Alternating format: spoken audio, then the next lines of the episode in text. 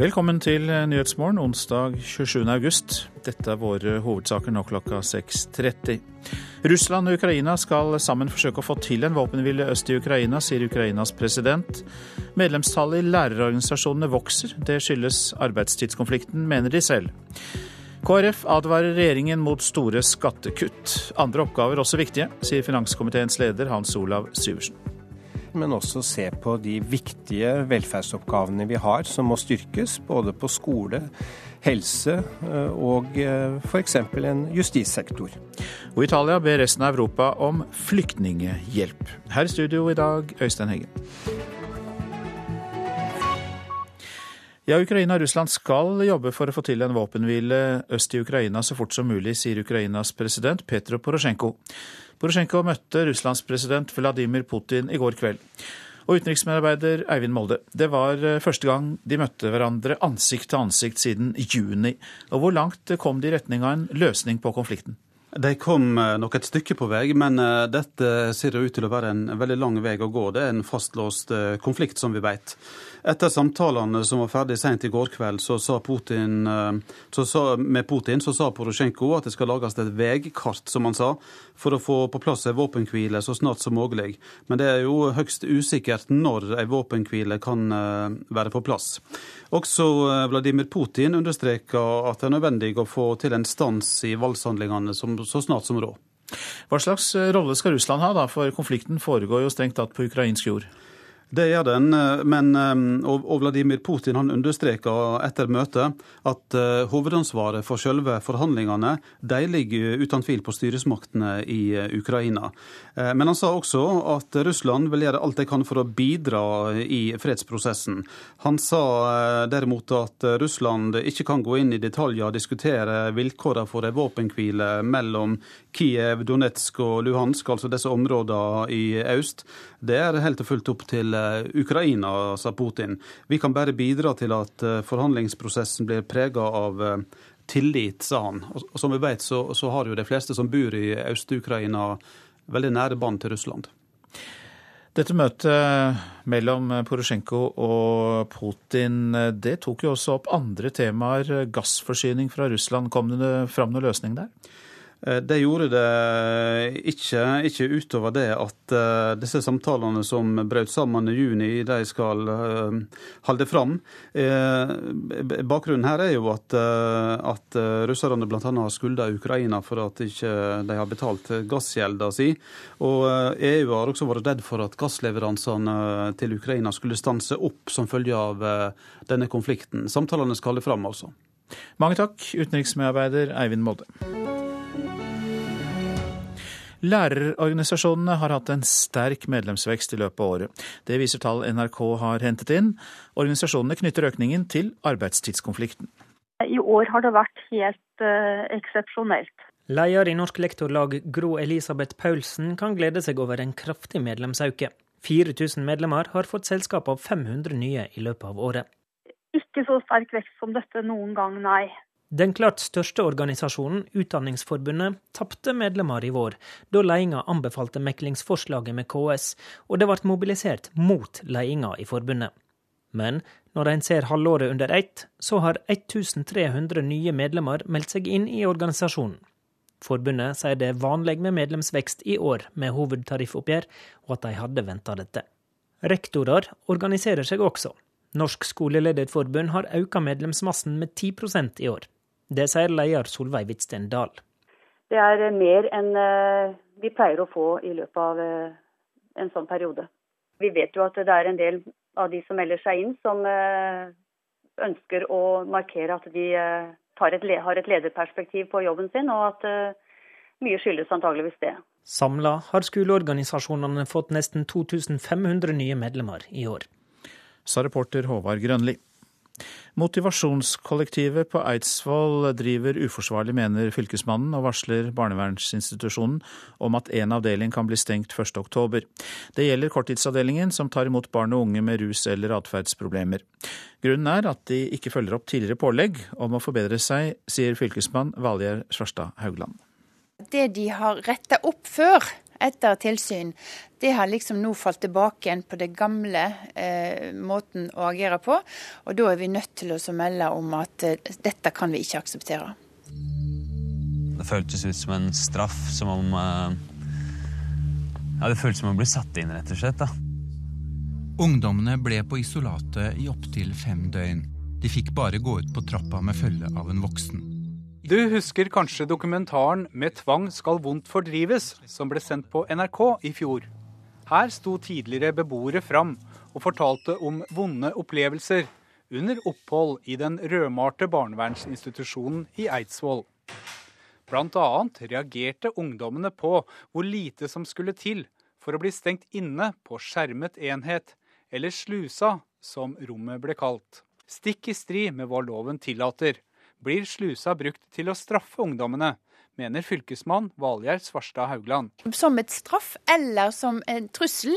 Hvis ikke du sånn og sånn, så kommer du på skjerma avdeling. Dette er ikke rett måte å gjøre det på. Fylkesmannen i Oslo og Akershus er også bekymret for hvordan ungdommene snakkes til av de voksne på institusjonen. Ja, altså Når ungdommene blir møtt med kommentarer som 'din drittunge', og der de òg blir latterliggjort eller ledd av, så er jo det ting som ikke vi kan akseptere.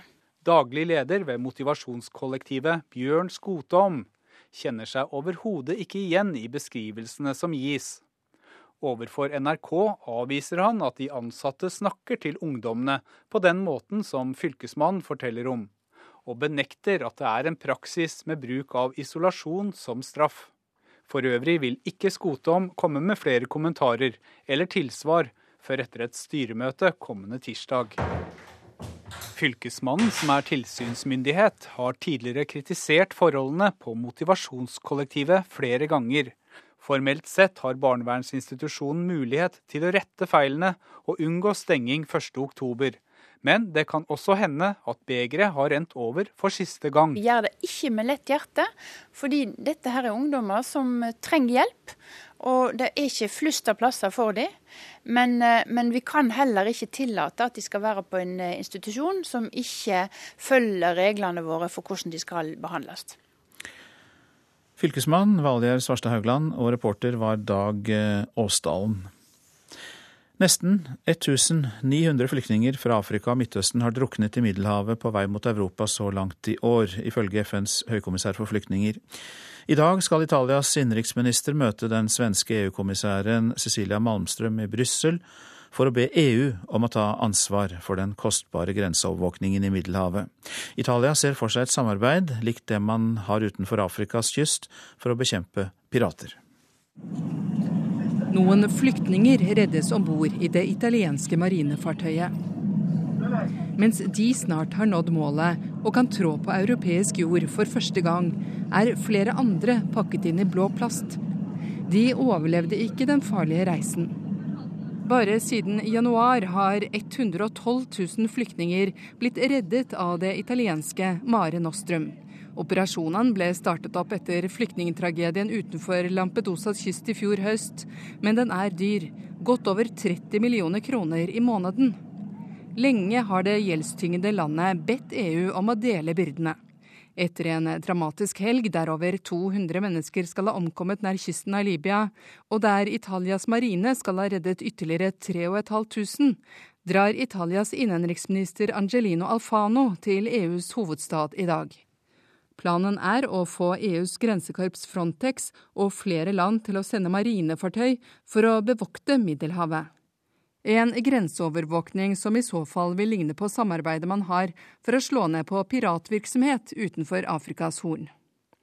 Italienerne har FN i ryggen. I går kom det en uttalelse derfra om at middelhavslandene ikke må sitte med ansvaret alene. Håpet er å ha et samarbeid klart i løpet av høsten. Åse Marit Befring, Brussel. Så skal vi hjem igjen og til det avisene er opptatt av i dag.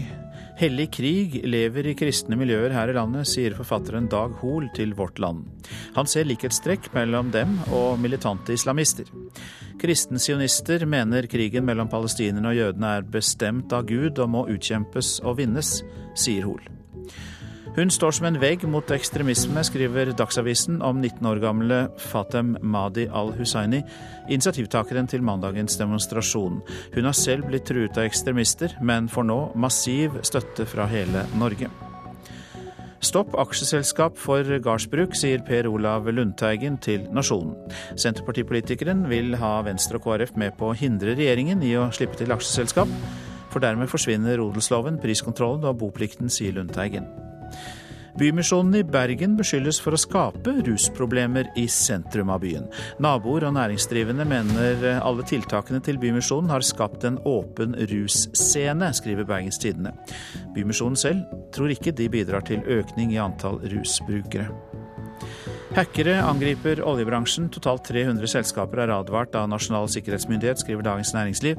Mer om det også i Nyhetsmorgen etter klokka sju.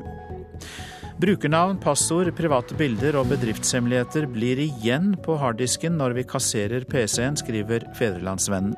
Vi bør overskrive eller ødelegge harddisken før computeren kastes. Risikere livet for å reise fra et EU-land til et annet, kan vi lese i Aftenposten. Tusenvis av flyktninger forsøker å komme seg over Den engelske kanal fra Frankrike til Storbritannia. Fagbrev Light skriver Klassekampen om. Det er en ordning som har fått mange unge i arbeid. Et kompetansebevis er mindre omfattende enn fag- og svennebrev, men gir en grunnkompetanse og mulighet for jobb. Siv Jensen beskylder Jonas Gahr Støre for å drive en svertekampanje mot Frp i sin nye bok. Støre kaller det populisme. Vi kaller det å ta folk på alvor, sier Jensen til Dagbladet. Storhetstida i Trondheim forsvant, skriver Adresseavisen på sin forside. I 1999 vant Rosenborg sin gruppe i Mesterligaen, TIK var blant landets beste ishockeyklubber, og Trondheimsørn vant fotballcupen. Nå er det ingen lag fra Trondheim som preger sine idretter, skriver avisa.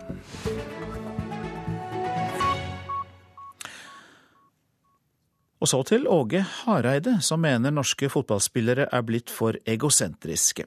Malmö-treneren, som har cup- og seriemesterskap i både Norge og Sverige, på CV-en, mener svenskene er flinkere til å tenke kollektivt.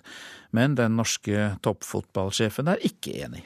Samfunnet i Norge har endra seg mye. Jeg begynte jo å trene lag eh, så sent på 80-tallet. og den norske ungdom har endra seg veldig over den tida der. Da. Vi hadde en periode der vi hadde veldig mange som var ute i utlandet, som ble flaska opp i Norge og kom til utlandet og gjorde det veldig godt. Mange dyktige fotballspillere, generasjoner og gode fotballspillere egentlig. Og så har det endra seg veldig mye. At spillerne blir, blir litt mer egosentriske, ikke så tenkende på kollektivet, og at det er laget som gjør det god. Åge Hareide nyter suksess i Sverige, og Malmö leder allsvenskan klart etter at to tredjedeler av sesongen er spilt. I tillegg kan laget ta seg til gruppespillet i Mesterligaen i kveld. Noe av det som gjør at svenskene hevder seg bedre i øyeblikket, ligger i det å tenke på laget før seg selv. Jeg tror nok svenskene er litt mer sånn kollektivt tenkende, altså. I hvert fall det er min oppfatning at det er det. Den norske toppfotballsjefen Nils Johan Semb kjenner seg ikke helt igjen av beskrivelsen av norske fotballspillere. Nei, Det føler ikke jeg. altså Absolutt ikke. Så jeg, jeg kjenner ikke jeg, har ikke den samme oppfatninga, men han kjenner svensk fotball, han kjenner norsk fotball veldig godt fra innsida. Eh, jeg kjenner norsk fotball naturligvis veldig veldig godt, og jeg har ikke den oppfatninga av det. Reporter her, det var Andreas Toft. Klokka den eh, er snart 6.44. Vi har disse hovedsakene i Nyhetsmorgen. Russland og Ukraina skal jobbe for å få til en våpenhvile øst i Ukraina så fort som mulig, sier Ukrainas president etter samtaler med sin russiske kollega. Medlemstallet i lærerorganisasjonene vokser, skyldes arbeidstidskonflikten, mener organisasjonene selv. Italia ber resten av Europa om hjelp for å håndtere strømmen av flyktninger som krysser Middelhavet. Og KrF advarer regjeringen mot store skattekutt. Det skal vi straks høre mer om. Ja, KrF gjør nemlig det. Advarer mot store skattekutt, altså. I dag møtes regjeringspartnerne Høyre og Fremskrittspartiet til budsjettkonferanse. Og med seg så får de da en klar beskjed fra lederen av finanskomiteen på Stortinget, KrFs Hans Olav Syversen. Min advarsel er at man må ikke stirre seg blind på skattelettelser, men også se på de viktige velferdsoppgavene vi har, som må styrkes, både på skole, helse eh, og eh, f.eks. en justissektor. Det sier Hans Olav Syversen fra KrF, og han er ingen hvem som helst i denne sammenheng. Som leder av finanskomiteen i regjeringens støtteparti sitter han på nøkkelen for å få regjeringas budsjett gjennom Stortinget. På mange måter har aldri samarbeidsavtalen mellom Høyre, Frp, KrF KrF og Venstre stått mer på prøve enn akkurat nå. Dette er jo det første budsjettet som regjeringen har hånd om eh, helt alene fra første dag. De har startet med relativt blanke ark, så nå ser vi jo virkelig hva de vil prioritere. Så på mange måter blir jo dette en eksamen både for regjeringen og for så vidt også for Stortinget. Men et av budsjettforslagene KrF og Venstre trolig må svelge dersom regjeringa skal bestå eksamen, er et skattekutt på opptil 10 milliarder kroner, ifølge VG. Høyres Svein Flåtten mener kutt i formuesskatten og i andre skatter er helt logisk om man skal få mer velferd i Norge. Altså, Hvis man også bruker skatteinstrumentet, så skaper det mer velferd gjennom at man eh, F.eks. gjennom redusert formuesskatt får mer investeringer i norske bedrifter av norske eiere. Man får flere som sparer. Det er også penger som kan gå inn i næringslivet. I dag kjemper statsrådene i siste runde om kronene i neste års budsjett, når regjeringa møtes til budsjettkonferanse på statsministerens kontor. Først i oktober får vi svaret på om skatteryktene stemmer. Ja, vi hører, så får vi se hva fasiten blir når, når oktober kommer og det skal legges fram. Det blir i hvert fall en hyre spennende høst. Og reportere her, det var eh, Anne Mone Nordahl og Veronica Westrin. Og statsbudsjettet blir også tema i Politisk kvarter om en eh, time. Ja, regjeringen setter seg altså sammen for å drøfte statsbudsjett. Og du sitter her, sjefanalytiker i Nordea, Erik Bruse. God morgen. God morgen. Så eh, det viktige for regjeringen og for oss alle, det er jo tilstanden til norsk økonomi for tiden. Og Hvordan er den?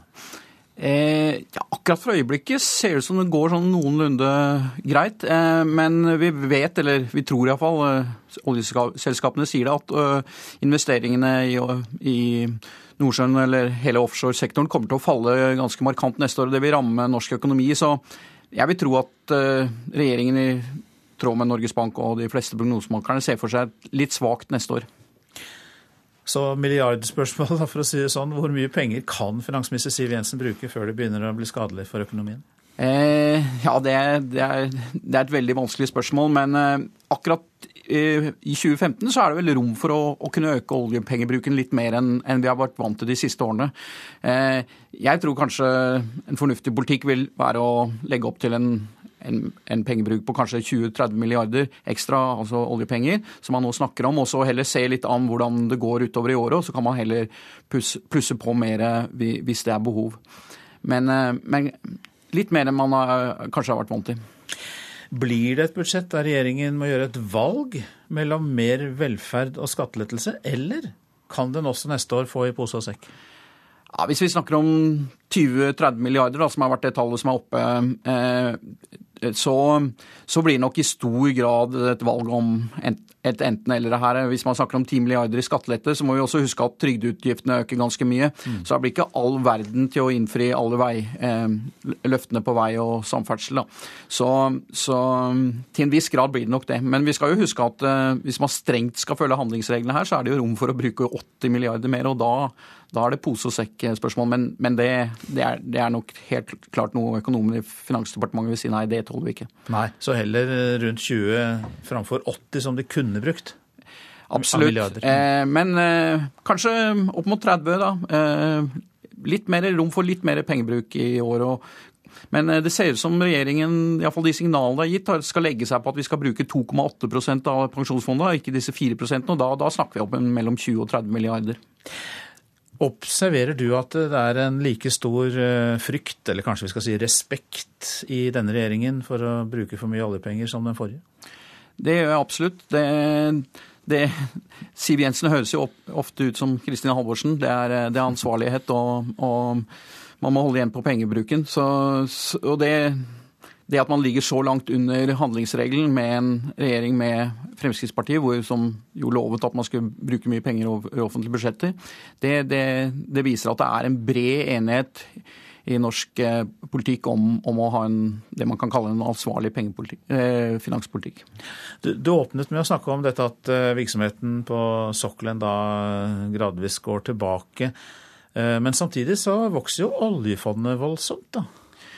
Ja da, eh, så oljeinntektene øker. Eh, det er fortsatt kommer oljepenger inn på fondet. Vi produserer fortsatt olje. Mm. Og så øker fondet mye fordi det som er viktig for fondet nå, det er jo avkastningen av de pengene man allerede har.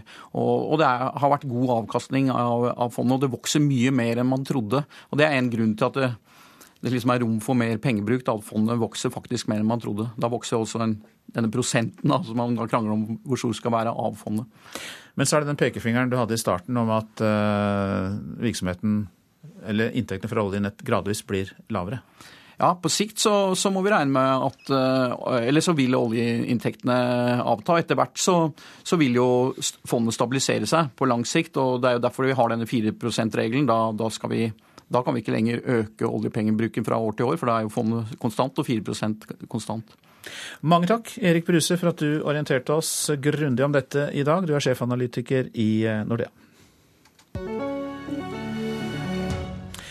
Venstre vil ha fjernet kontantstøtten fra neste år, til tross for at partiet for 16 år siden var med på å innføre ordningen, skriver VG i dag. Partileder Trine Skei Grande sier hun er sikker på at Venstres stortingsgruppe kommer til å stå bak et forslag til statsbudsjett der kontantstøtten fjernes helt allerede neste år. Så seint som i fjor stemte Venstre for å øke kontantstøtten til 6000 kroner i måneden. Marit Larsen har et oppkonstruert image. Det hevder musikkviter Jon Mikkel eh, Broch Aalvik, som i en ny doktorgradsavhandling har undersøkt hvordan kvinnelige artister fremstiller seg selv. Intet mindre, altså. Flere i musikkbransjen reagerer på konklusjonen i denne doktorgradsavhandlingen.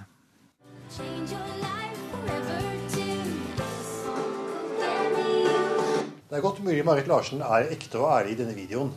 Men samtidig så er figuren hennes så tvetydig at hvis hun bare er seg selv i denne videoen her, så er hun i så fall upålitelig. Musikkviter Jon Mikkel Broch Aalvik har brukt tre år på å studere musikkvideoer, tekster og omtaler av Marit Larsen. Nå har han skrevet en doktorgrad om hvordan hun og artistkollega Marion Ravn har bygget popstjernepersonlighetene sine. Måten artistene fremstiller seg selv på, er oppkonstruert, mener Aalvik. Hovedkonklusjonen er vel at eh, vi kan ikke vite om det er noe under overflaten hos verken Marit Larsen eller Marion Ravn. Påstander om at de to bare er seg selv, kan vi egentlig ikke feste lit til ut fra det vi ser og hører som de velger å vise oss. Musikkviteren mener flere kvinnelige artister ønsker å fremstille seg som ekte og naturlige i offentligheten, et image som ifølge Aalvik har lite med virkeligheten å gjøre. Det gjelder jo overraskende mange når jeg først begynte å se etter. Spesielt Marit Larsen som soloartist har bidratt til å popularisere den måten å omtale seg selv på for kvinnelige artister. F.eks. Ved, ved å påstå at, de, at, det er en ekthet eller en ærlighet der. Men det er fortsatt bare måten de omtaler seg selv på, ikke noe de viser. Et eksempel som jeg er litt spesielt begeistret for, det er Hanne Sørvåg. Eh, på den ene siden så er hun så utrolig teatralsk. På den andre siden så er hun i countrysjangeren, som på en måte er hun alltid betinget av ideen om at eh, her, det, eh, her snakker artisten sant. Nei, jeg syns ikke at artistene er oppkonstruert. Jeg syns det er en forsterkning av den jeg er. Jeg er òg personlig i tekstene mine, så for meg så er det viktig å, å være meg sjøl. Sier artisten Hanne Sørvåg, som er kritisk til Aalviks påstander. Jeg syns at det virker som om det er mye hans personlige meninger. Eh, og det slår meg som mer synsing enn forskning. Og Sørvåg får støtte fra flere i musikkbransjen. Gunnar Greve er manager for flere artister og kjenner bransjen godt, men han kjenner seg ikke igjen i Aalviks konklusjon. Han mener musikkviteren burde ha spurt musikerne selv om imagebygging. Jeg syns iallfall det er eh, noe betenkelig at han konkluderer så bastant Eh, eh, når han åpenbart ikke har snakket med noen av de to personene og artistene som han legger til grunn i den forskningen og det arbeidet han har gjort. Eh, så det er nok noe jeg og jeg tipper en del andre vil reagere på. Når en forsker kommer med sitt forskerblikk og sin forskerpenn og påstår noe som artisten selv ikke står inne for, så skjønner jeg veldig godt at artisten blir provosert. Men det håper ikke det betyr at forskeren alltid har feil og artisten alltid har rett. Og verken Marit Larsen eller eh, Marion Ravn ønsker å kommentere saken, legger vi til herfra. Reportere Christian Ingebretsen og Halvor Haugen. Hent mer penger fra private givere, sier regjeringen til kulturlivet, men i Nord-Norge sliter kulturskaperne med å få inn sponsorpenger fra det lokale næringslivet. Det er i ferd med å bli en nord-sør-konflikt, dette, mener de der. Det som vi føler i nord, er jo at uh, vi er ikke en del av den nasjonale sammenhengen med hensyn til det nasjonale sponsormarkedet. Vi har liksom i stor grad uh, vært nødt til å henvende oss utelukkende på det regionale markedet. Det sier Tor Lægreid, direktør i NOSO, Nordnorsk opera- og symfoniorkester. Han får støtte fra Morten Hjelten, direktør i Norsk teater- og orkesterforening. Om det ikke er en konflikt, så er det i hvert fall helt tydelig. Altså når, vi, når vi undersøker sponsormidler på alle de store nasjonale og regionale um, kulturinstitusjonene, at de dessverre betyr veldig veldig lite for de aller fleste av våre, av våre medlemmer, både på teater- og orkestersiden og operasiden. Og at det er noen få institusjoner Eh, det Norske Opera og Ballett som i en helt egen særstilling, pluss andre store institusjoner i Oslo, Bergen, Trondheim og Stavanger, som henter ut mesteparten av det som er av sponsormidler i dag. I samarbeid med Hålogaland teater inviterte lege og Noso i går til seminar for å diskutere det private sponsormarkedet for kulturlivet i nord. Det som gjør det vanskelig, er for det første de strukturendringene som har skjedd i næringslivet, hvor altså hovedkontorene er flyttet ut av landsdelen, og vi i stor grad må basere oss på på de gjenværende, og det er ikke så veldig mange. Sparebanken Nord-Norge er jo et hederlig unntak, men, men uh, bortsett fra dem, så er det ikke så veldig mange andre som er aktive innenfor dette feltet. Jeg har visst lovd meg bort til begge to. Og den ene skyr den andre som en bitt mann skyr en orm. Det er prøver på teatrets store høstsatsing, Kong Lear, i et av rommene ved sida av sponsordebatten. Og selv Shakespeares maktsyke konge hadde kanskje reagert når han hører at selv en nasjonal aktør som DNB ikke har noen av sine sentrale avtaler med kulturinstitusjoner nord for Trondheim. Man føler seg sikkert litt forbigått i og med at det er mange flere mennesker nede på Sørlandet, eller Østlandet. Så det er klart eh, Det er jo ikke så mye mennesker her, og vi har ikke så mange engasjementer her heller. Det har vi jo ikke. Sier Else Marie Johnsen, rådgiver samfunnsansvar i DNB. Men er antall mennesker helt avgjørende i forhold til eh, hvem dere sponser? Nei, Det har jo litt å si, selvfølgelig. Det har det. Men eh, det kommer selvfølgelig helt an på hva den som tilbyr, hva de har å tilby, er jo det som er viktig, og hva kan man få igjen. Så Vi har avtale med Riksteatret. Den gir oss det alibiet som vi har. Eh, og det er klart at det ligger mye lokalt også som ikke vi styrer. Det styrer de eh, herfra. Men om vi gjør så her men det er kanskje ikke så enkelt å skaffe regionale sponsorpenger heller. Sparebanken Nord-Norge trakk seg tidligere i år fra samarbeidet med Hålogaland teater. Når det gjelder de kommersielle samarbeidene, så, så, har det nok også hos oss vært en utvikling hvor vi er inne i færre samarbeidsavtaler i dag enn vi var for noen år siden. Eh, på den andre sida så bidrar vi med betydelige midler til kulturnæringa gjennom eh, stiftelse og gavefond. Det sier kommunikasjonsdirektør Geir Håvard Hansen i Sparebanken Nord-Norge. Han har en klar oppfordring til kulturaktørene. Kanskje bør flere innenfor kulturbransjen skaffe seg kompetanse på hvordan næringslivet tenker og jobber for å få til gode samarbeid med kulturinstitusjoner. Vi Selvfølgelig prøve å bli flinkere og selge våre produkter og tjenester på en bedre måte. Men, men samtidig så må vi jo finne en avgrensning i forhold til integritet, den kunstiske friheten som, eh, tilligger oss som institusjoner. Og den sluttreplikken gikk til Tor Legreid, direktør i Nordnorsk Opera og Symfoniorkester. Reporter Hege Irén Hansen. Så til værvarselet fram til midnatt. Østafjells og fjell i Sør-Norge. Opphold og lange perioder med sol, men eh, spredte ettermiddagsbyger i indre strøk. Rogaland og Hordaland morgentåke, ellers pent. Sogn og Fjordane nordøst periodevis liten kuling på kysten. Morgentåke, ellers pent vær. Eh, Møre og Romsdal utrygt for enkelte regnbyger, vesentlig på Nordmøre. Ellers opphold og perioder med sol, lokal morgentåke. Trøndelag enkelte regnbyger, perioder med sol og lokal morgentåke også der, da. Nordland og Troms stort sett oppholdsvær og noe sol. På kysten kan det bli tåkeskyer. Finnmark skyet og perioder med regn. Først kommer regnet øst i Finnmark. Nordensjøland på Spitsbergen delvis skyet oppholdsvær. I kveld øker det til sørøst liten kuling utsatte steder. Det blir tilskyende og etter hvert regn. Så går vi over på temperaturene, målt klokka fem. Svalbard lufthavn tre, Kirkenes ti, Vardø elleve, Alta tolv, Tromsø-Langnes seks. Bodø og Brønnøysund begge ti, Trondheim-Værnes ni, Molde ti, Bergen-Flesland ni grader. Stavanger og Kristiansand-Kjevik begge ti, Gardermoen 13, Lillehammer 8, Røros 9 og Oslo-Blindern 12 grader.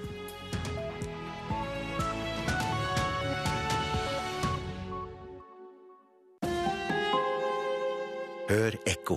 En liten gutt som elsker rosa og kjolene til mamma. Som nekter å klippe håret og drømmer om å få ny Barbie, ikke traktor. det går vel over. Ingen grunn til bekymring.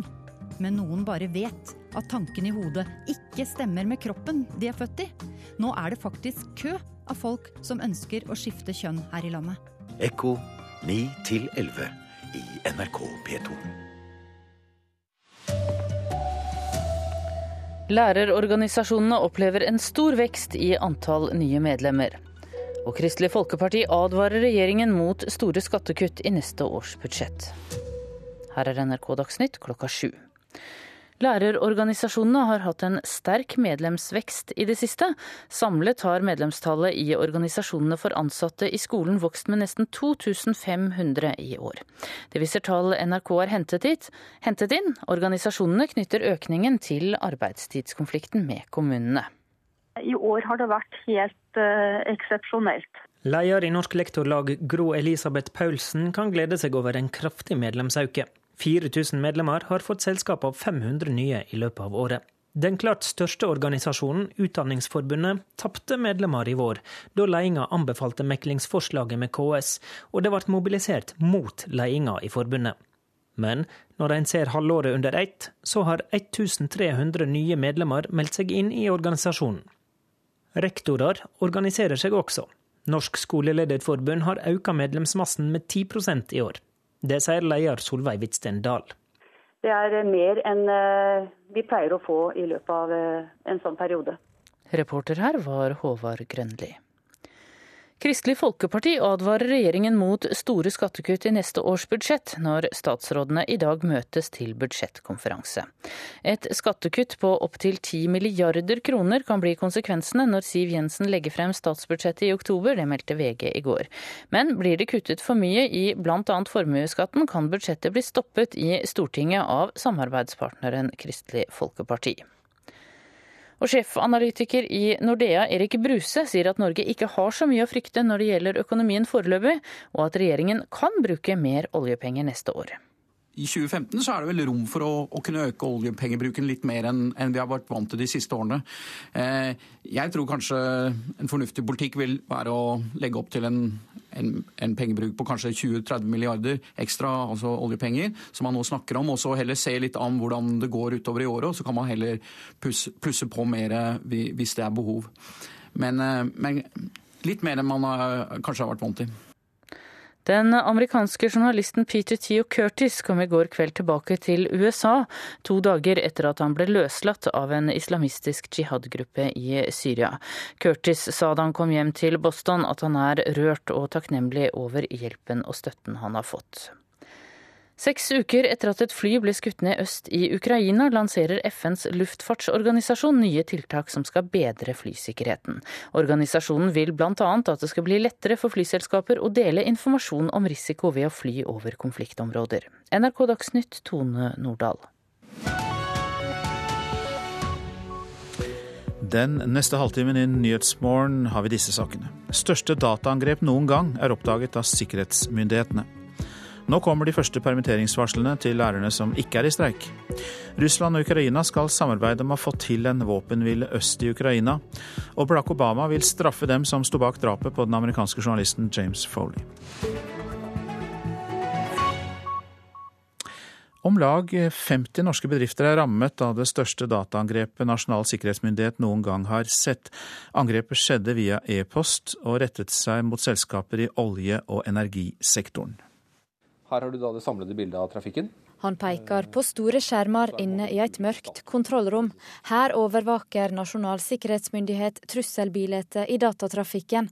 De oppdaga nylig et stort dataangrep mot norsk olje- og energisektor. Det vi nå har sett er et stort samlet angrep, hvor vi i hvert fall har ca. 50 bekreftede bedrifter som har mottatt en e-post hvor man prøver å på en måte få plantet skadevare sier Hans Christian Pretorius, avdelingsdirektør i NSM. De tror angrepet kan være større, og har varsla 300 bedrifter. Pretorius sier at målet med slike angrep er å komme seg inn i datasystemene og så stjele informasjon, spionere eller ødelegge. Dette angrepet ble oppdaga tidlig, og det er ikke klart hva skader som har skjedd. Dette er organisasjoner med store ressurser som står bak. Dette er skadevare som er spesialsydd for formålet og sånn sett da ofte ikke fanges opp f.eks. av vanlig viruskontroll. Angrepet har ført til at tallet på alvorlige dataangrep er dobla, fra 50 i fjor til 100 hittil i år. Jeg tror dette er, vi ser begynnelsen nå på en trend hvor det bare vil øke mer og mer. Jeg tror denne bredden hvor man går bredt ut i et angrep, eh, vil vi se mer av. Et dataangrep rettet mot kraftbransjen kan få alvorlige konsekvenser. Ifølge Arthur Gjengstø, leder for beredskapsseksjonen i NVE, er det særlig tre hensyn som er viktige. Det handler om å skjerme viktig informasjon om teknologi og forretningssensitive eh, opplysninger. Det handler om å skjerme viktig informasjon om kundeforhold. Og det handler om å sikre en effektiv og trygg eh, strømforsyning. Trusselbildet er opplagt krevende, ja. Eh, og Det er derfor også viktig at både vi myndighetsmessig og selskapene jobber knallhardt på dette området. Konkret, hvordan jobber dere med dette her? NVE som beredskaps- og tilsynsmyndighet vi jobber aktivt med å stille strenge krav. Eh, vi veileder eh, kraftforsyningsselskaper med råd knytta til forebyggende sikkerhet, og vi er ute ofte på tilsyn. Ikke minst er vi aktivt opptatt av at kraftselskapene sjøl spiller hverandre gode på området. Leder for beredskapsavdelingen i NVE, Arthur Gjengstø, og reporter eh, der var Fredrik Lauritzen. Du hørte også reporter Eirin Årdal. Tone Hodde Bakås, du er fungerende daglig leder i Norsk senter for informasjonssikring, NorSIS, og er med oss nå. Vi hørte jo her NVE nettopp snakke om at bedriftene skal spille hverandre gode. og Hva er ditt råd til hvordan de kan gjøre det?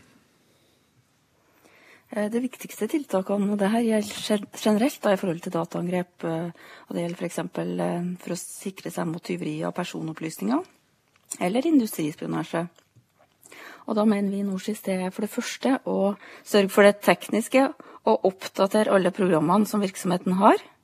Du bør gjøre en avtale med driftsleverandøren om oppdateringa og sjekke at det blir gjort. Og det andre som er viktig, det er å lære opp alle ansatte i hva de må tenke på. F.eks. bør de ikke klikke på lenker og vedlegg fra noen de ikke kjenner. I oktober arrangerer NorSIS nasjonal sikkerhetsmåned, og vi oppfordrer alle bedriftene til å gjennomføre opplæring av ansatte da.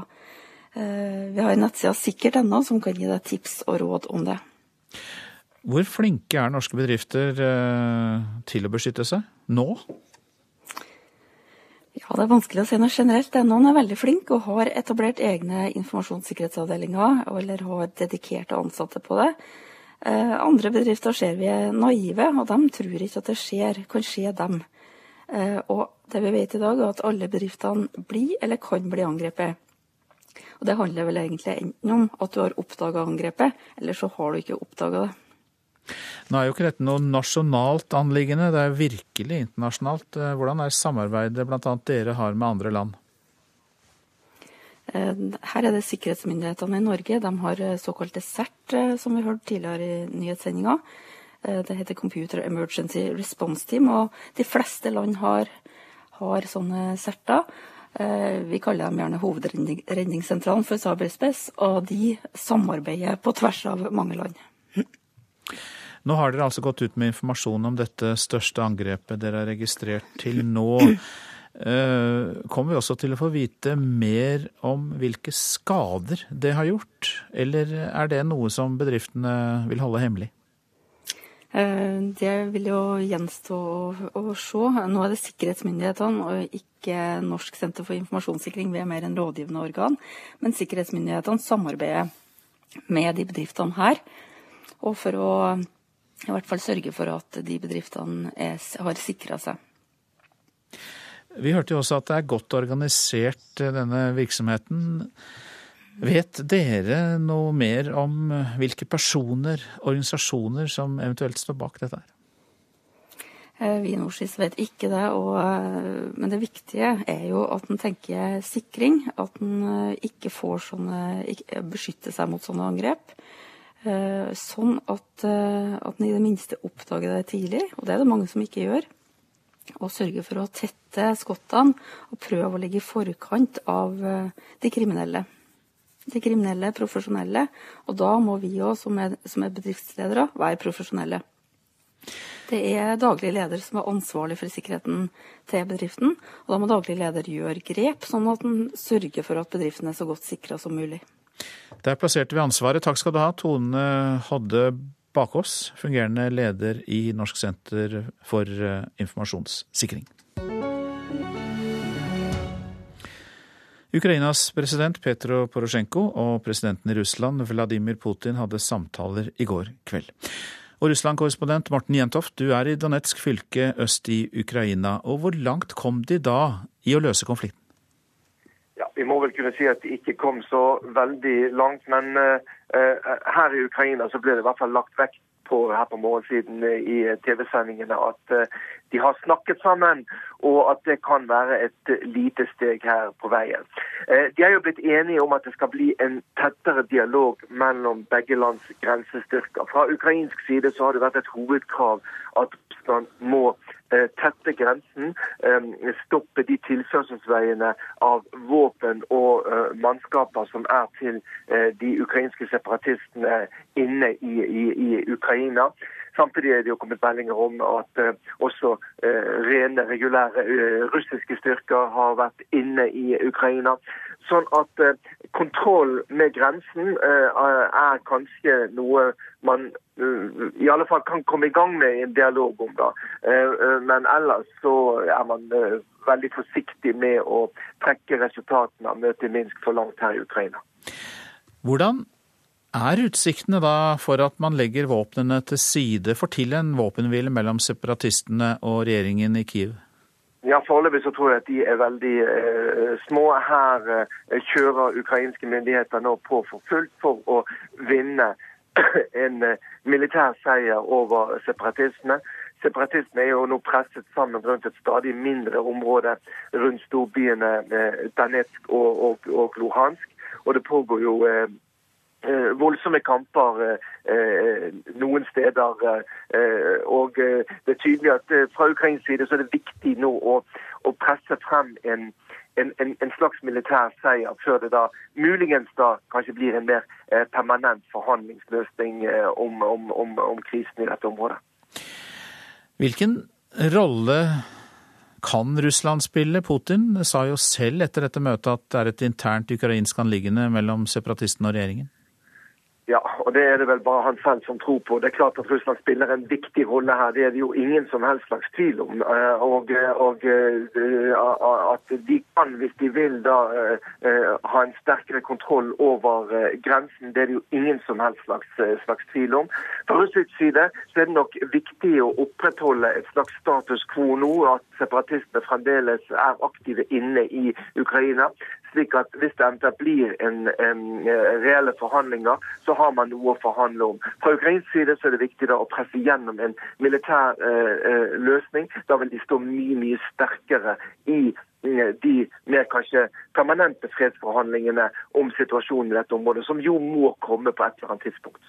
Morten Jentofte, mange takk for den oppdateringen som vi fikk fra deg. Du er altså i Donetsk fylke øst i uh, Ukraina. Nå kommer de første permitteringsvarslene til lærere her hjemme som ikke er i streik. Drammen kommune er i ferd med å sende ut slike varsler til lærere ved streikeskoler. Med mindre vi skulle ikke finne annet passende arbeid, så eh, kan det være at vi i ytterste konsekvens eh, må eh, foreta permitteringer. Det sier utdanningsdirektør i Drammen Jan Sivert Jøsendal. På skoler som nesten er tomme pga. streik, er det ikke mening i at andre lærere fortsatt skal være i jobb, mener kommunen. Derfor sender de om kort tid ut betinga permitteringsvarsel til 32 lærere. Om ikke streiken slutter, så blir de 32 trolig permitterte i løpet av de neste to ukene. Det reagerer Utdanningsforbundet på. Fylkesleder i Buskerud, Anne Lise Søgnen Heien, mener dette blir gjort for å spare penger. Vi syns det er en dårlig idé. Vi mener at eh, det er viktig å få til bra undervisning for dem som er. og Her har de mulighet til å gi ekstra god undervisning for de elevene som er der. Og, og Det har jo vært nedskjæring og sparing i skolen, eh, i skolen, og da tenker jeg at det er viktig å, å nå å bruke de ressursene på en best mulig måte, i stedet for å si at vi trenger ikke det folka. Noen kommuner har sendt ut generelle permitteringsvarsel til alle lærere. Det som skjer i Drammen er langt mer konkret. KS eller Utdanningsforbundet kjenner så langt ikke til andre kommuner der det er permitteringer på vei, men det er ikke usannsynlig at flere kommuner kan komme etter. Utdanningsdirektør Jøsendal i Drammen sier de i det lengste håper å slippe å permittere, men han mener at hvis streiken blir utvida enda mer, så blir det vanskelig å holde andre lærere i fornuftig arbeid. Vi jobber som sagt for å unngå permitteringer, og sammen med arbeidstakerorganisasjonene så eh, skal vi bestrebe oss for å få det til.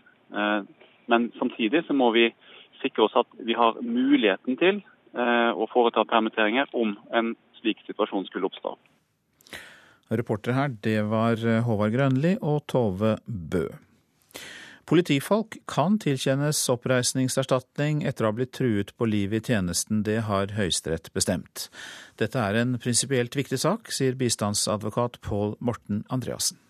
Høyesterett fastslår at også politifolk har et eh, erstatningsrettslig vern. Eh, retten gjør jo en eh, vurdering av om dette vern skal være helt likt som andre. Og eh, Der er nok Høyesterett åpen for at eh, det kan ha betydning det at de er politi. Altså at det ikke skal være like lett. Ankesaken Høyesterett har behandlet og avvist, startet i Larvik i januar i fjor. Fem politifolk fra Vestfold skulle ransake en manns bolig. Mannen ble på forhånd oppfattet som verbalt truende, men da politiet kom frem, ubevæpnet, viste det seg at mannen også hadde våpen, en pistol og et sverd. Alle fem har forklart i retten at de trodde de kom til å bli skutt den kvelden, at de var redde for livene sine. En av de fem sa dette til bistandsadvokaten da Høyesteretts avgjørelse ble kjent i går ettermiddag. Hun ble fryktelig glad for dette eh, resultatet fra Høyesterett. Og det er da selvsagt ikke eh, pengesummen hun har i tankene, det er den symboleffekten det har at man får en oppreisning og et stempel for at man var utsatt for en krenkelse. Også i Politiets Fellesforbund har de fulgt med på og ventet på avgjørelsen fra Høyesterett. Karin Wallin er lokallagsleder i Vestfold. Eh, jeg tenker at det er en veldig viktig dom for politiet og for eh, samfunnet generelt, der man eh, påpeker at politiet skal tåle mye til en viss grad, men ikke alt. Reporter her, det var Marianne Åkermann. Klokka den er 7.17 der. Vi har disse hovedsakene i Nyhetsmorgen. Om lag 50 norske bedrifter er rammet av det største dataangrepet Nasjonal sikkerhetsmyndighet noen gang har registrert. KrF advarer regjeringen mot store skattekutt. Andre oppgaver i samfunnet viktigere, sier finanskomiteens leder Hans Olav Syversen. Nå kommer de første permitteringsvarslene til lærere som ikke er i streik. Drammen vurderer permitteringsvarsel nå. Og vi skal høre at variert språk og dialekt får flypassasjerer til å lytte ekstra nøye til sikkerhetsinstruksen.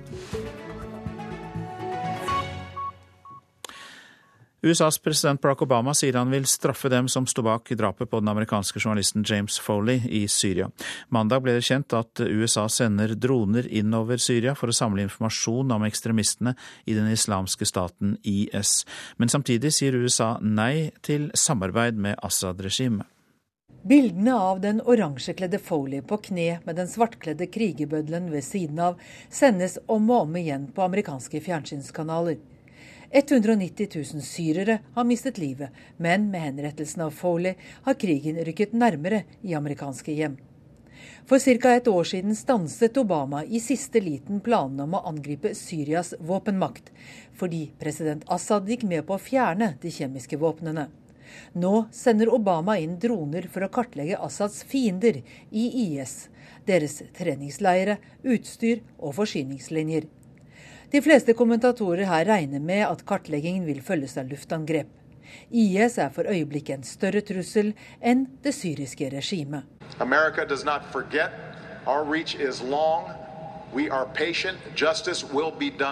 Amerika glemmer ikke. Vi har stor rekkevidde. Vi er tålmodige. Rettferdighet vil skje. Vi vil gå etter dem som skader amerikanere, sa president Obama til en forsamling med veteraner i går kveld. Det blir verken enkelt eller fort gjort å utrydde en kreftbyll som IS, advarte Obama. Han har måttet tåle mye kritikk for manglende strategi når det gjelder Syria. For i skyggen av fokuset på å få de kjemiske våpnene ut av Syria, har IS tatt kontroll over store landområder i Syria og Irak. I slutten av juni ba Obama Kongressen om å bevilge 500 millioner dollar, over 3 milliarder kroner, til å væpne og trene den moderate syriske opposisjonen. Men det finnes ingen der som kan matche styrkene fra den islamske staten, eller som kan fungere som effektive bakkestyrker i en amerikansk luftoffensiv. Syrias utenriksminister tilbød mandag å samarbeide med USA om å slå ned IS, og advarte samtidig mot alenegang på syrisk territorium. Tilsynelatende talte han for døve ører. En talsmann for USAs utenriksdepartement utelukket i går koordinering med den syriske regjeringen. Men ifølge nyhetsbyrået AFP mottar regimet i Damaskus likevel opplysninger om de amerikanske operasjonene via Irak og via Russland.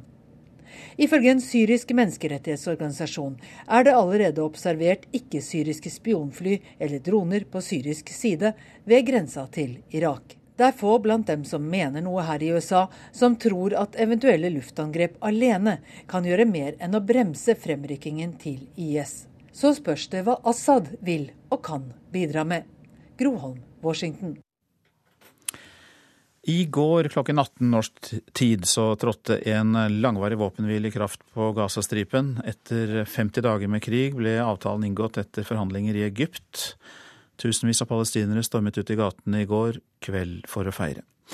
Doktorgradsstipendiat ved Universitetet i Oslo, Marte Heian Engdahl, god morgen til deg. God morgen. Ja, hjelp oss med å forstå hva denne våpenhvilen innebærer. Det Foreløpig de rapportene som eh, jeg har sett og som har kommet ut fra det egyptiske myndigheter har informert om i går, så er det en sånn eh, midlertidig våpenhvile. Det har jo vært åtte av dem eh, tidligere, så spørsmålet er om alle gode ting er ni, og at dette blir en litt mer varig løsning. Den, det har jo kommet lenger i at de har blitt enige om at det skal være enkelte lettelser i blokaden. Eh, Israel har sagt at eh, de skal kunne redusere den buffersonen som de har, sikkerhetssonen som de har på, mellom seg og Gaza fra 300 til 100 meter. Det samme gjelder med fiskerettighetene. at eh, Fiskerne i Gaza skal få kunne reise lenger ut for å fiske, der de naturlig nok får mer. Men avtalen innebærer ingen Det har ingen tidsspesifikke det nevner ingenting om når det skal gjøres, og hvilke eh, konkrete ting, og når, hvilken rekkefølge ting skal komme i. Nei, så selv om det høres ut som palestinere har fått gjennomslag for en del ting som du nevner der, så, så sies det ikke noe konkret om når det kan tre i kraft? Nei, det gjør det ikke. Og det er jo også veldig Den tragiske sannheten er jo at det her ligner veldig på den samme våpenhvilen som kom i 2012. Altså for 21 måneder siden så var vi på akkurat det samme stedet. Eh, så det er to skritt fram og to tilbake, for å ikke si to skritt fram og tre tilbake for de fleste i Gaza. Hva har eh, dette å si for eh, Israel, at denne avtalen er kommet i stand? For Israel så betyr det selvfølgelig at uh, livet for uh, israelerne kan gjenopptas uh, for fulle igjen, og at man kanskje kan Det har vært stans i turistnæringa, og økonomien lider selvfølgelig veldig under en sånn kostbar operasjon. Og det er en økonomi som fra før var skranten, og som hadde sine problemer. Eh, israelske skolebarn skal starte på skolen nå som eh, våre, eller nå streikes det jo her, da, men der er det, det er en litt annen ting å sende barna sine på skolen hvis det regner raketter. Så det er selvfølgelig for Israel er det er viktig, men utenom det så er det veldig vanskelig å se at Netanyahu egentlig har fått noe ut av det her som han ikke kunne ha fått på andre måter. Det er jo da en uh, våpenhvile uten noen bestemt tidsfrist. Det var jo tidsfrister i disse hyppige våpenhvilene tidligere under denne konflikten. Er dette med en våpenhvile uten tidsfrist uh, egentlig da positivt? Eh, jeg tror aldri det er positivt at man ikke har noen faste rammer på hva man skal gjøre og når man skal gjøre det. Men eh, det viser Det her jo, skal jo liksom være det første lette steget for partene å ta, å komme fram til en våpenhvile. Eh, og det at det har tatt så lang tid, er jo en illustrasjon på at det er ingenting i de her forhandlingene mellom de her partene som er enkelt. Og det har også vært fordi at det er så mange aktører. Her er det jo Egypt som også har sittet på nøkkelen til mye av det, med at de skal gjenåpne grenser grenseovergangen i Rafa sør i, på Gazastripa til Egypt, der eh, palestinske selvstyremyndighetene skal gå inn og garantere sikkerheten da, ifølge denne eh, avtalen. Og det er jo også noe som man kunne ha uh, kommet fram til uten at over 2000 stykker måtte bøte med livet. Fordi rett før denne konflikten eskalerte, så hadde jo Hamas og Fatah kommet fram til en ny eh, samlingsregjeringsplattform der Hamas var svak og Fatah for en gangs skyld var satt med litt sterkere kort. Og hvis eh, verdenssamfunnet vil støtte moderate forhandlingslinjer som palestinerne på Vestbredden har stått for, så hadde det vært en ypperlig anledning til å komme Man kunne ha gjort samme eh, type, type samme, fått det samme ut av det da som man gjør nå, men isteden så har man altså latt Hamas eh, gjennom 50 dager med væpna motstand eh, greie å på en måte forhandle fram det samme. Så vi har gjort oss en bjørnetjeneste, tror jeg. Mange takk, Marte Heian Engdahl, som også er doktorgradsstipendiat ved Universitetet i Oslo. Så noen ord om det avisene har på dagsordenen i dag. Hellig krig lever i kristne miljøer her i landet, sier forfatteren Dag Hoel til Vårt Land. Han ser likhetstrekk mellom dem og militante islamister. Kristensionistene mener krigen mellom palestinerne og jødene er bestemt av Gud og må utkjempes og vinnes, sier Hoel. Hun står som en vegg mot ekstremismen, skriver Dagsavisen om 19 år gamle Faten Madi al-Hussaini. Initiativtakeren til mandagens demonstrasjon har selv blitt truet av ekstremister, men nå får hun massiv støtte fra hele Norge. Stopp aksjeselskap for gardsbruk, sier Per Olav Lundteigen i Nasjonen. Senterpartipolitikeren vil ha Venstre og KrF med på å hindre regjeringen i å slippe til aksjeselskap. Bymisjonen i Bergen beskyldes for å skape rusproblemer i sentrum. Naboer og næringsdrivende mener alle tiltakene til Bymisjonen har skapt en åpen russcene, skriver Bergens Tidende. Bymisjonen selv tror ikke de bidrar til økningen av rusbrukere. Og vi tar med at storhetstida i Trondheim forsvant. Det er Adresseavisen som skriver det. I 1999 vant Rosenborg sin gruppe Mesterligaen. TIK var blant landets beste ishockeyklubber, og Trondheimsøren vant fotballcupen. Nå er det ingen lag fra Trondheim som preger sine idretter. Informasjon fra ferdigspilte bånd møter oss mange steder i samfunnet. Ofte snakker høyttalerstemmene et normert bokmål med østlandstone, uansett hvor vi er i landet. Widerøe er et selskap som har gått over til å bruke dialekt. Variasjonen i språket gjør nemlig flypassasjerene mer oppmerksomme på sikkerhetsinformasjonen, mener Widerøe. Vi vil nå fokusere på sikkerhet. Vær vennlig å plassere håndbagasjen godt under stolen foran dere. Slå sammen bordet og spenn fast setebeltet. Widerøes rute fra Stavanger til Aberdeen er klar til avgang. Den ferdiginnspilte sikkerhetsinformasjonen blir gitt på klingende stavangersk til forskjell fra mange av høyttalerstemmene som snakker til oss rundt om i samfunnet, på anonymt normert østnorsk. Slik var det også i Widerøe tidligere. Så tenkte vi det, at det, altså, Dette er jo ganske kjedelig. Sier kommunikasjonsdirektør i Widerøe, Rikard Kongstein. Dermed bestemte selskapet seg for å skifte ut den normerte østnorsken. Resultatet ble seks bånd med stemmer fra seks ulike deler av landet. Altså I Norge så har vi et stort språklig mangfold, og for videre så er det mangfoldet også en del av, av identiteten vår. Altså vi, vi, skal være til stede i hele Norge, og det skal også det språket som vi bruker, reflektere. Hos andre selskap varierer praksisen. På innenriksflyene til SAS informerer kabinpersonalet på sine dialekter, men standardmeldingene på Avinors flyplasser gis på normert østnorsk mange steder. Neste stasjon er Gausel. På Jærbanen mellom Egersund og Stavanger annonserer NSB stasjonene konsekvent på normert østnorsk, og ikke alltid med navneuttale i samsvar med den lokale. Agathe Svela er en av passasjerene som syns lite om det. Det er jo den samme stemmen som ofte går igjen på mange plasser. Syns det er veldig rart. Det blir veldig lite personlig. Den burde jo egentlig vært eh, lokal. Men det er det små utsikter til. NSB bruker den samme stemmen i alle tog over hele landet. Å skifte mellom ulike dialekter er teknisk umulig, bl.a. pga. minnekapasiteten i togsettene, sier trafikkinformasjonssjef Sven Westgård i NSB. Ja, det er begrensninger i systemet, og det er jo mindre arbeidskrevende å ha færre lyder å forholde seg til. Dørene lukkes. For Jostein og Bjørnar Tollaksen, som bruker Jærbanen nesten daglig, spiller det liten rolle hvilken dialekt som brukes. Stemmen i høyttaleren betyr i det hele tatt lite for dem. Det er ikke så veldig mye å legge merke til den, kanskje. Det hender hvis jeg dypt inne i bok, så hender det at jeg glemmer å gå på stasjonen.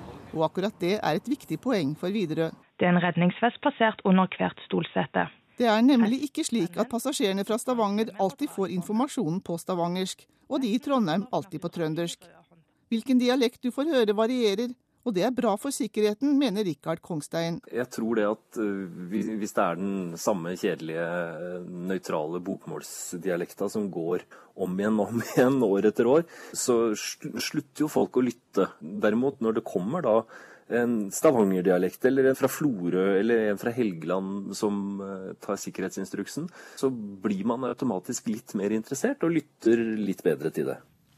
Reporter her, det var Marianne Terjesen. Vi legger til at prosent for Nyhetsmorgen i dag er Eli Bjelland. Her i studio, Øystein Heggen.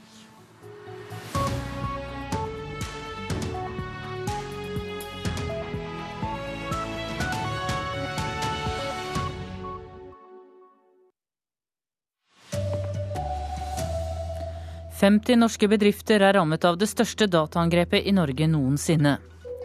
Lærerorganisasjonene får mange nye medlemmer om dagen. Og Kristelig Folkeparti advarer regjeringen mot store skattekutt i neste års budsjett. God morgen, her er NRK Dagsnytt klokka 7.30. Nasjonal sikkerhetsmyndighet har oppdaget det største koordinerte dataangrepet de har sett i Norge noen gang. Rundt 50 bedrifter i olje- og energisektoren er rammet. Angrepet skjedde via e-post. Her har du da det samlede bildet av trafikken. Han peker på store skjermer inne i et mørkt kontrollrom. Her overvaker Nasjonal sikkerhetsmyndighet trusselbildet i datatrafikken. De oppdaga nylig et stort dataangrep mot norsk olje- og energisektor. Det vi nå har sett er et stort samlet angrep, hvor vi i hvert fall har ca. 50 bekreftede bedrifter som har mottatt en e-post hvor man prøver å på en måte få plantet skadevare sier Hans Christian Pretorius, avdelingsdirektør i NSM. De tror angrepet kan være større, og har varsla 300 bedrifter. Pretorius sier at målet med slike angrep er å komme seg inn i datasystemene og så stjele informasjon, spionere eller ødelegge. Dette angrepet ble oppdaga tidlig, og det er ikke klart hva skader som har skjedd. Dette er organisasjoner med store ressurser som står bak. Dette er skadevare som er spesialsydd for formålet og sånn sett da ofte ikke fanges opp f.eks. av vanlig viruskontroll. Angrepet har ført til at tallet på alvorlige dataangrep er dobla, fra 50 i fjor til 100 hittil i år. Jeg tror dette er, vi ser begynnelsen nå på en trend hvor det bare vil øke mer og mer. Jeg tror denne bredden hvor man går bredt ut i et angrep, eh, vil vi se mer av. Et dataangrep rettet mot kraftbransjen kan få alvorlige konsekvenser. Ifølge Arthur Gjengstø, leder for beredskapsseksjonen i NVE, er det særlig tre hensyn som er viktige. Det handler om å skjerme viktig informasjon om teknologi og forretningssensitive eh, opplysninger. Det handler om å skjerme viktig informasjon om kundeforhold. Og det handler om å sikre en effektiv og trygg eh, strømforsyning. Trusselbildet er opplagt krevende, ja. Eh, og Det er derfor også viktig at både vi myndighetsmessig og selskaper jobber knallhardt på dette området. Reportere her var Eirin Årdal og Fredrik Lauritzen. Ukraina og Russland skal forsøke å få til en våpenhvile i Øst-Ukraina så fort som mulig. Det sier Ukrainas president Petro Porosjenko etter å ha møtt presidenten i Russland Vladimir Putin i går kveld. Og Russlands korrespondent eh, Morten Jentoft, hvor realistisk er det å få på plass en våpenhvile mellom de russiskvennlige opprørerne og regjeringen i Ukraina?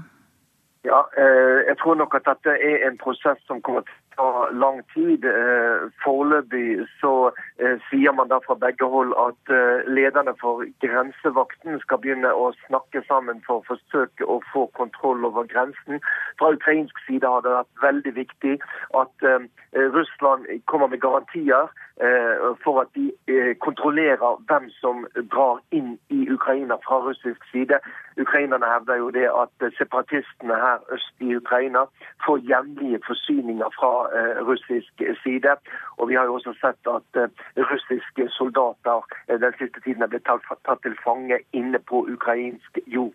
Sånn at dette er et første steg, men på bakken så fortsetter jo kampene for fullt. Og det er tydelig at man fra ukrainsk side nå gjør kraftige anstrengelser for å få til en, komme i en bedre militær situasjon før eventuelle nye forhandlinger. Du er i Donetsk fylke øst i Ukraina nå. Hvordan vil du beskrive situasjonen der? Ja, Det er jo egentlig en merkelig situasjon. fordi Det er jo bare i en liten del av Donetsk og nabofylket Luhansk det pågår kraftige kamper her nord i Donetsk, eh, hvor jeg befinner meg, så har jo de ukrainske styrkene eh, tatt eh, formell kontroll. da. Men samtidig så, eh, mens jeg snakker med folk, så er det jo mange her som har flyktet fra kamphandlingene, og som har slektninger der hvor kamphandlingene pågår.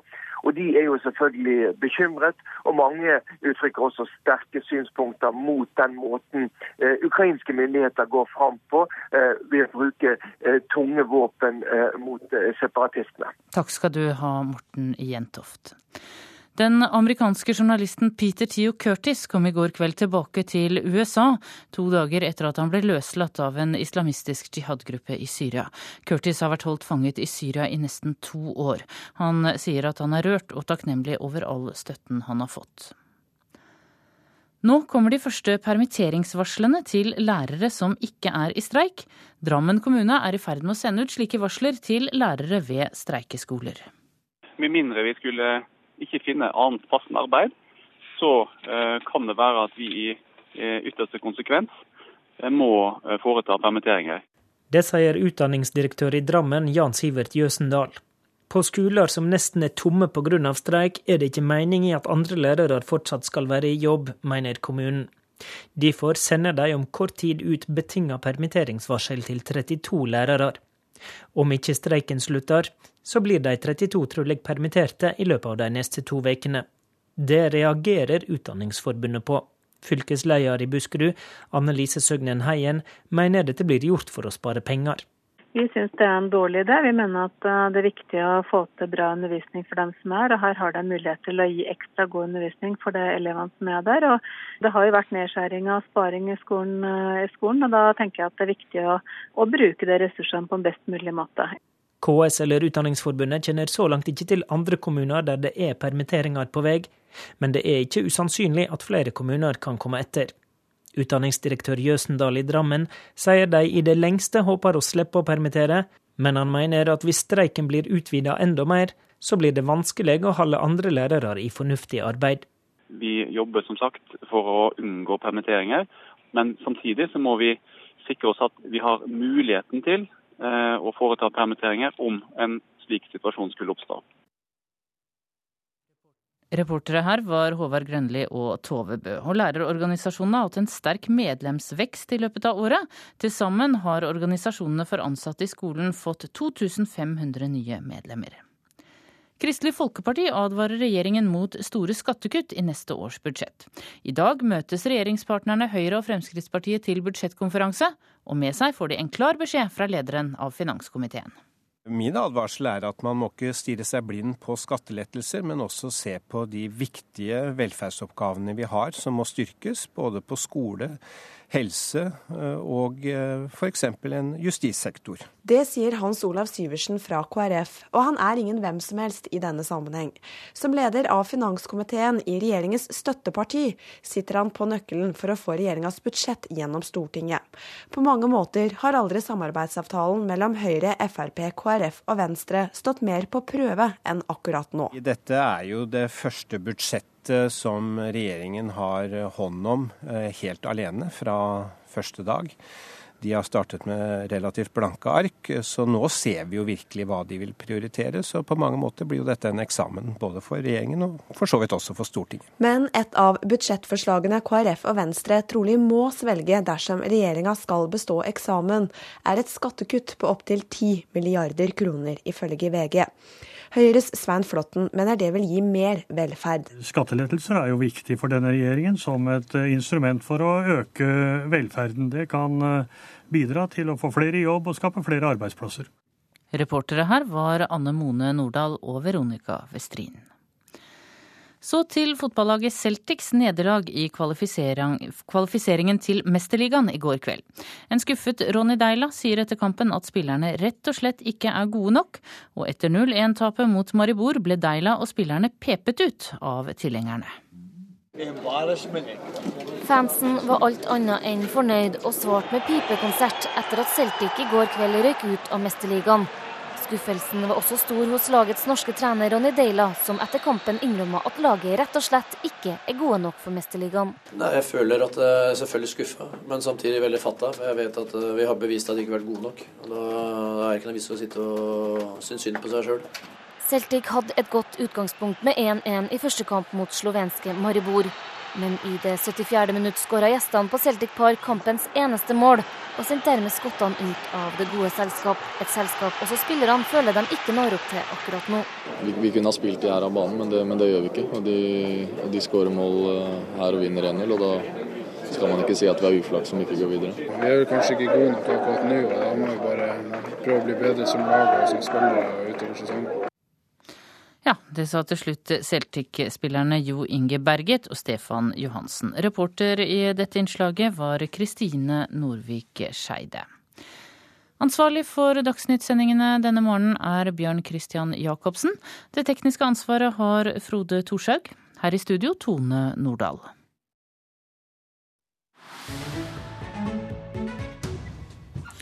Det er Nyhetsmorgen du lytter til nå, og eh, vi skal til eh, Mellom-Amerika. Titusener av mennesker forlater dette området hvert år og prøver å komme seg til USA for å få et bedre liv. Det mange av dem opplever der er et rent helvete, sier menneskerettighetsombudet i Guatemala. Desde que los, los seres humanos inician con, con este recorrido, de som legger ut på denne reisen, utsetter seg for trusler både psykisk og fysisk. Og nesten alle kvinnene blir voldtatt eller utsatt for andre seksuelle overgrep. Det sier Jorge de León, som er menneskerettighetsombud i Guatemala. Jeg hadde bestemt meg for å reise til USA med mine to døtre, forteller 30 år gamle Eugenia fra Guatemala til nyhetsbyrået Reuters. Da faren oppdaget det, fikk han giftet bort den 14 år gamle datteren. Da bestemte hun seg for å ta med den andre datteren til USA, for å hindre at det samme skulle skje med henne. Historiene om hvorfor de drar er mange, men familieproblemer kommer som regel på toppen av de grunnleggende problemene i Mellom-Amerika fattigdom og den ekstreme volden fra narkokartellene og de brutale Maras-gjengene får titusenvis av mennesker fra El Salvador, Honduras, Guatemala og andre land i Mellom-Amerika til hvert år å legge ut på det som kalles verdens farligste reise, gjennom Mexico til USA med håp om et bedre liv. Se estima que 14 migrantes, 14 personas salen de Guatemala cada hora. Det antas at 14 personer forlater Guatemala hver eneste time for å reise mot nord, forteller han. Landet er så fattig at pengene som kommer fra guatemalere som bor i USA, er et av landets viktigste inntektskilder. Han reiste selv nylig deler av ruta som migrantene tar, og ble sjokkert over det han så og hørte. Det er veldig duro escuchar el, el sentimiento de fleste fortalte den samme historien. De ble frastjålet pengene. Mange av kvinnene var blitt voldtatt. De ble truet og utsatt for utpressing. Mange har også blitt drept av de brutale og mektige narkokartellene i Mexico. Flere steder, bl.a. i Guatemala, samarbeider politiet og immigrasjonsmyndighetene med de kriminelle organisasjonene for å berike seg på de fattige. Es decir, van a empezar a salir de Guatemala, ya no tienen dinero. Det betyr at de ikke har mer penger igjen når de forlater Guatemala, fordi myndighetene har robbet dem, forteller han, som selv er sønn av en tidligere president i landet. Men mange klarer også å komme fram til det forjettede land. Jeg gikk et stykke, så krysset jeg elva i en båt, før jeg ble tatt av immigrasjonsmyndighetene, forteller 13 år gamle Kristina fra Guatemala til nyhetsbyrået Reuters. Hun er en av rundt 60 000 barn som skal ha kommet aleine til USA i løpet av det siste året. Det er en kraftig økning fra tidligere år, og har skapt voldsomt politisk hodebry i USA. Men De Leon sier at han ikke møtte noen barn som reiste alene. No Alle barna jeg møtte, reiste sammen med foreldrene, en tante eller et annet familiemedlem, forteller De Leon. Han snakket både med menneskesmuglere og folk på herberger, som hjelper migrantene med mat og en varm seng. De fortalte at hvis barna kommer sammen med de voksne, kan hele familien risikere å bli sendt raskt tilbake til hjemlandet. Kommer de derimot aleine, er det større sannsynlighet for at de får bli. Men de siste månedene har antallet migranter som har krysset grensa til USA, gått ned. De Leon mener uansett at USA må se på alle menneskene som kommer fra sør, som et humanitært problem som ikke kan løses med mer politi. Reporter her var Inger Marit Kolstadbråten. Dette er Nyhetsmorgen, dette er hovedsaker. 50 norske bedrifter er rammet av det største dataangrepet i Norge noensinne. Nå kommer de første permitteringsvarslene til lærere som ikke er i streik.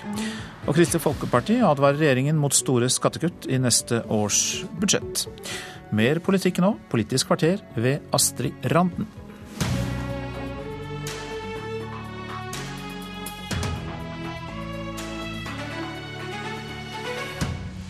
I dag samler ministrene i den blå regjeringa seg til den siste og avgjørende kampen om neste års statsbudsjett. Vil grasrota i Frp nøye seg med samme oljepengebruk som forrige regjering, og kan KrF godta regjeringa sine skatteletter?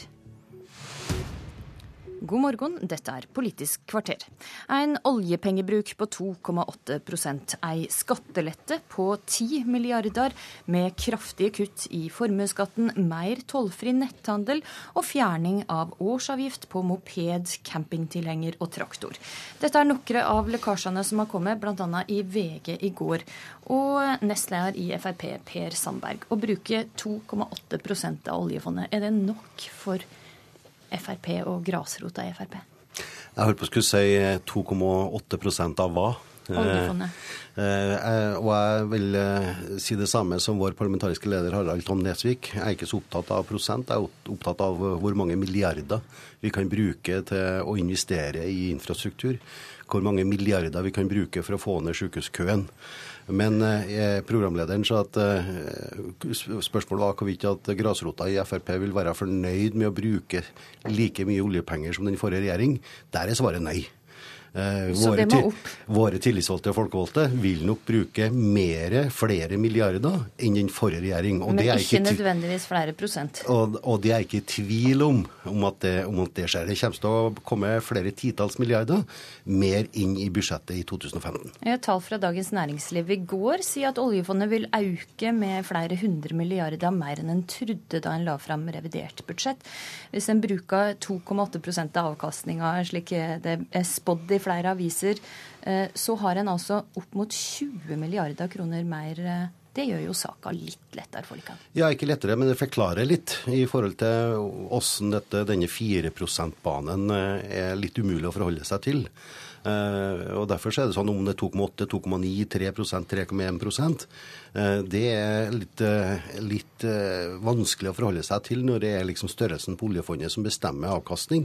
Men de fleste andre forholder seg til men, det. Men, og din, altså, din tidligere formann, Carl I. Hagen, sier til DN i dag at det blir oppvask på neste landsmøte om partilederen Berre da i Hermedheim bruker 2,8% og flere av ditt i ditt eget parti har krevd at en bruker, bruker det rommet som er i handlingsregelen, og bruker 4% Ja, Det er ikke noe tvil om at i utgangspunktet så har eh, Fremskrittspartiets tillitsvalgte og folkevalgte ønske om å bruke flere milliarder.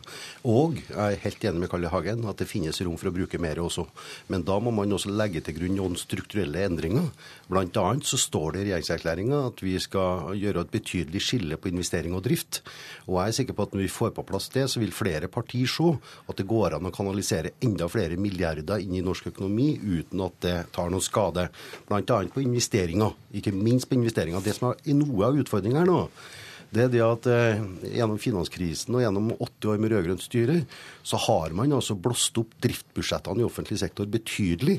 Noe som gjør det også til en utfordring. Men, men meg, jeg skal prøve på noe Altså 2,8. Jeg er jo rimelig sikker på at 2,8 eh, blir for lite også da, i 2000. Eh, jeg tror, og er optimist på at det blir høyere enn det. Du er optimist.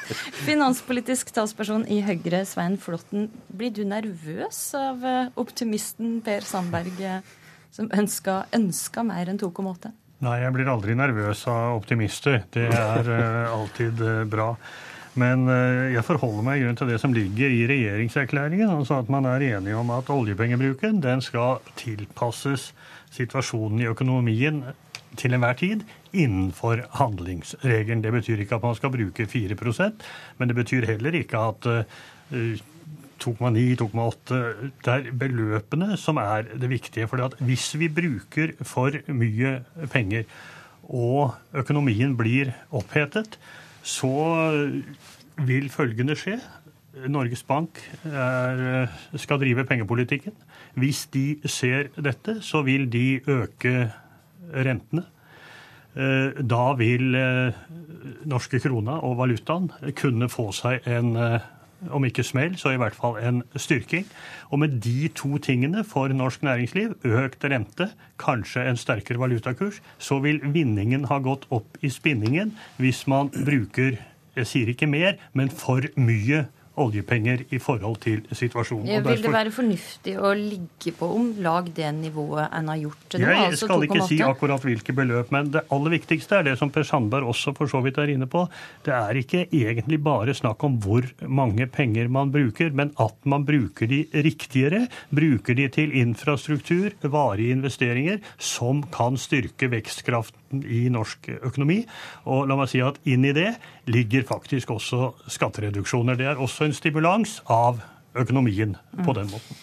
Litt eh, tilbake til denne utålmodige grasrota i Frp. Hva for område er det de har størst forventninger på? på? Det er, der, der er jeg slett ikke i tvil. Det er infrastruktur eh, på alle områder. Men så er jeg helt enig i det. Særlig vei? Ja, særlig vei, og særlig distriktene. Altså, det har noe med, med dette med å skape vekstkraft. Eh, vi, det er en større sammenheng mellom næringsutvikling, vekst, bosetting og infrastruktur enn det vi noensinne har trodd. Og Derfor er det viktig at man har et større satsing på infrastruktur. Kom bompenger, da? Ja, bompengene. Der har vi jo da gått i en situasjon der at sammensetninga på Stortinget er der hen at, at 83% av dem som sitter der, ønsker å videreføre eh, dagens politikk. Men, eh, men, samtidig så prøver vi etter beste evne da å få redusert kostnadene med å få ned rentekostnader, administrasjonskostnader, Eh, gå inn med større statlig andel på de bompengeprosjektene som eksisterer. Men, men det, som er, det som er aller viktigst her, og det som blir sagt her også, det er hvordan man bruker pengene. Og det er jo det da tidligere formann i Fremskrittspartiet, Carl I. Hagen, har så rett. Vi må i mye større grad se på hvordan vi bruker pengene, for å unngå da bl.a. det som det pekes på om at renta skal opp osv. Og, og da er et utenlandsbudsjett bl.a. Eh, blant annet en diskusjon som vi kan ta, men ikke minst det som står i regjeringserklæringa, både med å se på produktiviteten vår, skille på drift og investering. Alt det her det er like så viktig nå, eh, tror jeg, de neste årene å se på. og få en løsning på for å få kanalisert inn mer milliarder i, i, i, til å bygge infrastruktur og på andre områder. Hans Olav Syversen, leder i finanskomiteen og finanspolitisk talsperson i KrF. Lekkasjene tyder altså på at vi får skattekutt opp mot 10 milliarder kroner. Men i KrF så mener de at det er ikke tida nå for de store kutta. Hvorfor ikke? Det er flere grunner til det. For det første så venter vi på et eh, utvalg som skal si noe om selskapsskatten. Når vi ser eh, rundt oss, så ser vi at mange land reduserer selskapsskatten. Om de er eh, rød eller blå på farge i regjeringene, så gjør de det. Det får innvirkning på Norge òg. Hvis vi da skal, etter det utvalget, bli enige om en ny sats for selskapsskatt, så kan det bety skatteletter da. Da kan vi ikke spise opp alt det på forhånd. Og Vi tar jo også til orde for at vi får et bredt skatteforlik akkurat på selskapsskattens men, område. Men kan det stemme for et budsjett med skatteletter opp mot 10 milliarder? Ja, jeg eh, bruker jo ikke å, å, eh, diskutere og komme til løsninger om budsjett over åpen mikrofon, men vi gir i hvert fall en klar melding til de som nå sitter og skal lage budsjett at man må ikke stirre seg eh, blind på skatteletter. Vi har også klare løfter i fellesskap i samarbeidsavtalen på helse, på eldre, på utdanning. Altså eh, politisektoren og justissektoren, infrastruktur, som Per Sandberg nevnte. Dette må ha en balanse, og for oss også er det viktig at vi har en en utjevning i den forstand at skattesystemet må også føles rettferdig for eh, mannen i gata. Marianne Martinsen, finanspolitisk talsperson i Arbeiderpartiet. Nå har du sittet stille og hørt på dine mannlige kollegaer her, og du er vel positiv til signalene som kommer fra KrF? Ja, vi mener at det er gode signaler. Eh, hvis de lekkasjene som vi har sett så langt stemmer, så ligger det jo nok en gang opp til, eh, til en profil på de skattekuttene som skal gis som eh, i all hovedsak vil komme de mest velstående i dette landet til, til gode.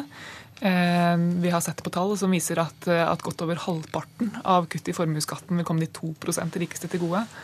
Og det er klart at, at, Å prioritere milliarder på å øke forskjellene mellom folk på den måten, det, det mener vi er en dårlig prioritering uavhengig av, av hva, hva, KrF måtte mene om det. Vi skal litt tilbake som... til formuesskatten uh, litt seinere, men ja. bare høre med det, Svein Flåtten. Uh, hva tenker du om ei slags skattepause som uh, KrF foreslår nå?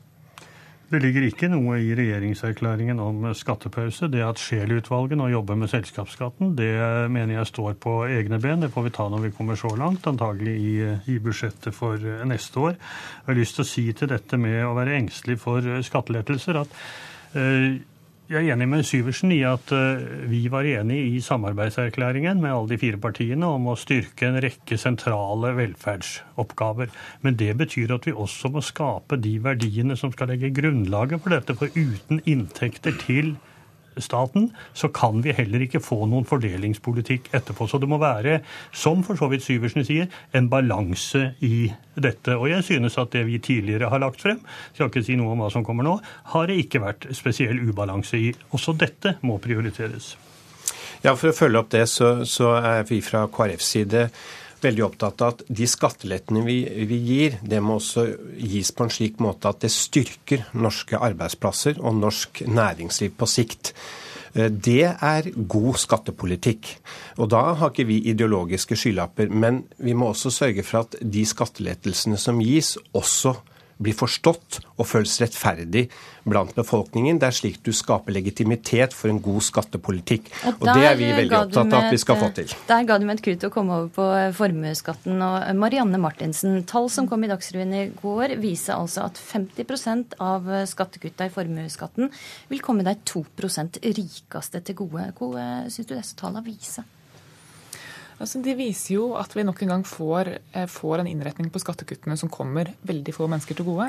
Eh, dette framstilles som et næringspolitisk tiltak. Vi begynner etter hvert å få ganske godt faglig eh, hold for å kunne si at skadevirkningene av formuesskatten for norske bedrifter er veldig begrensa.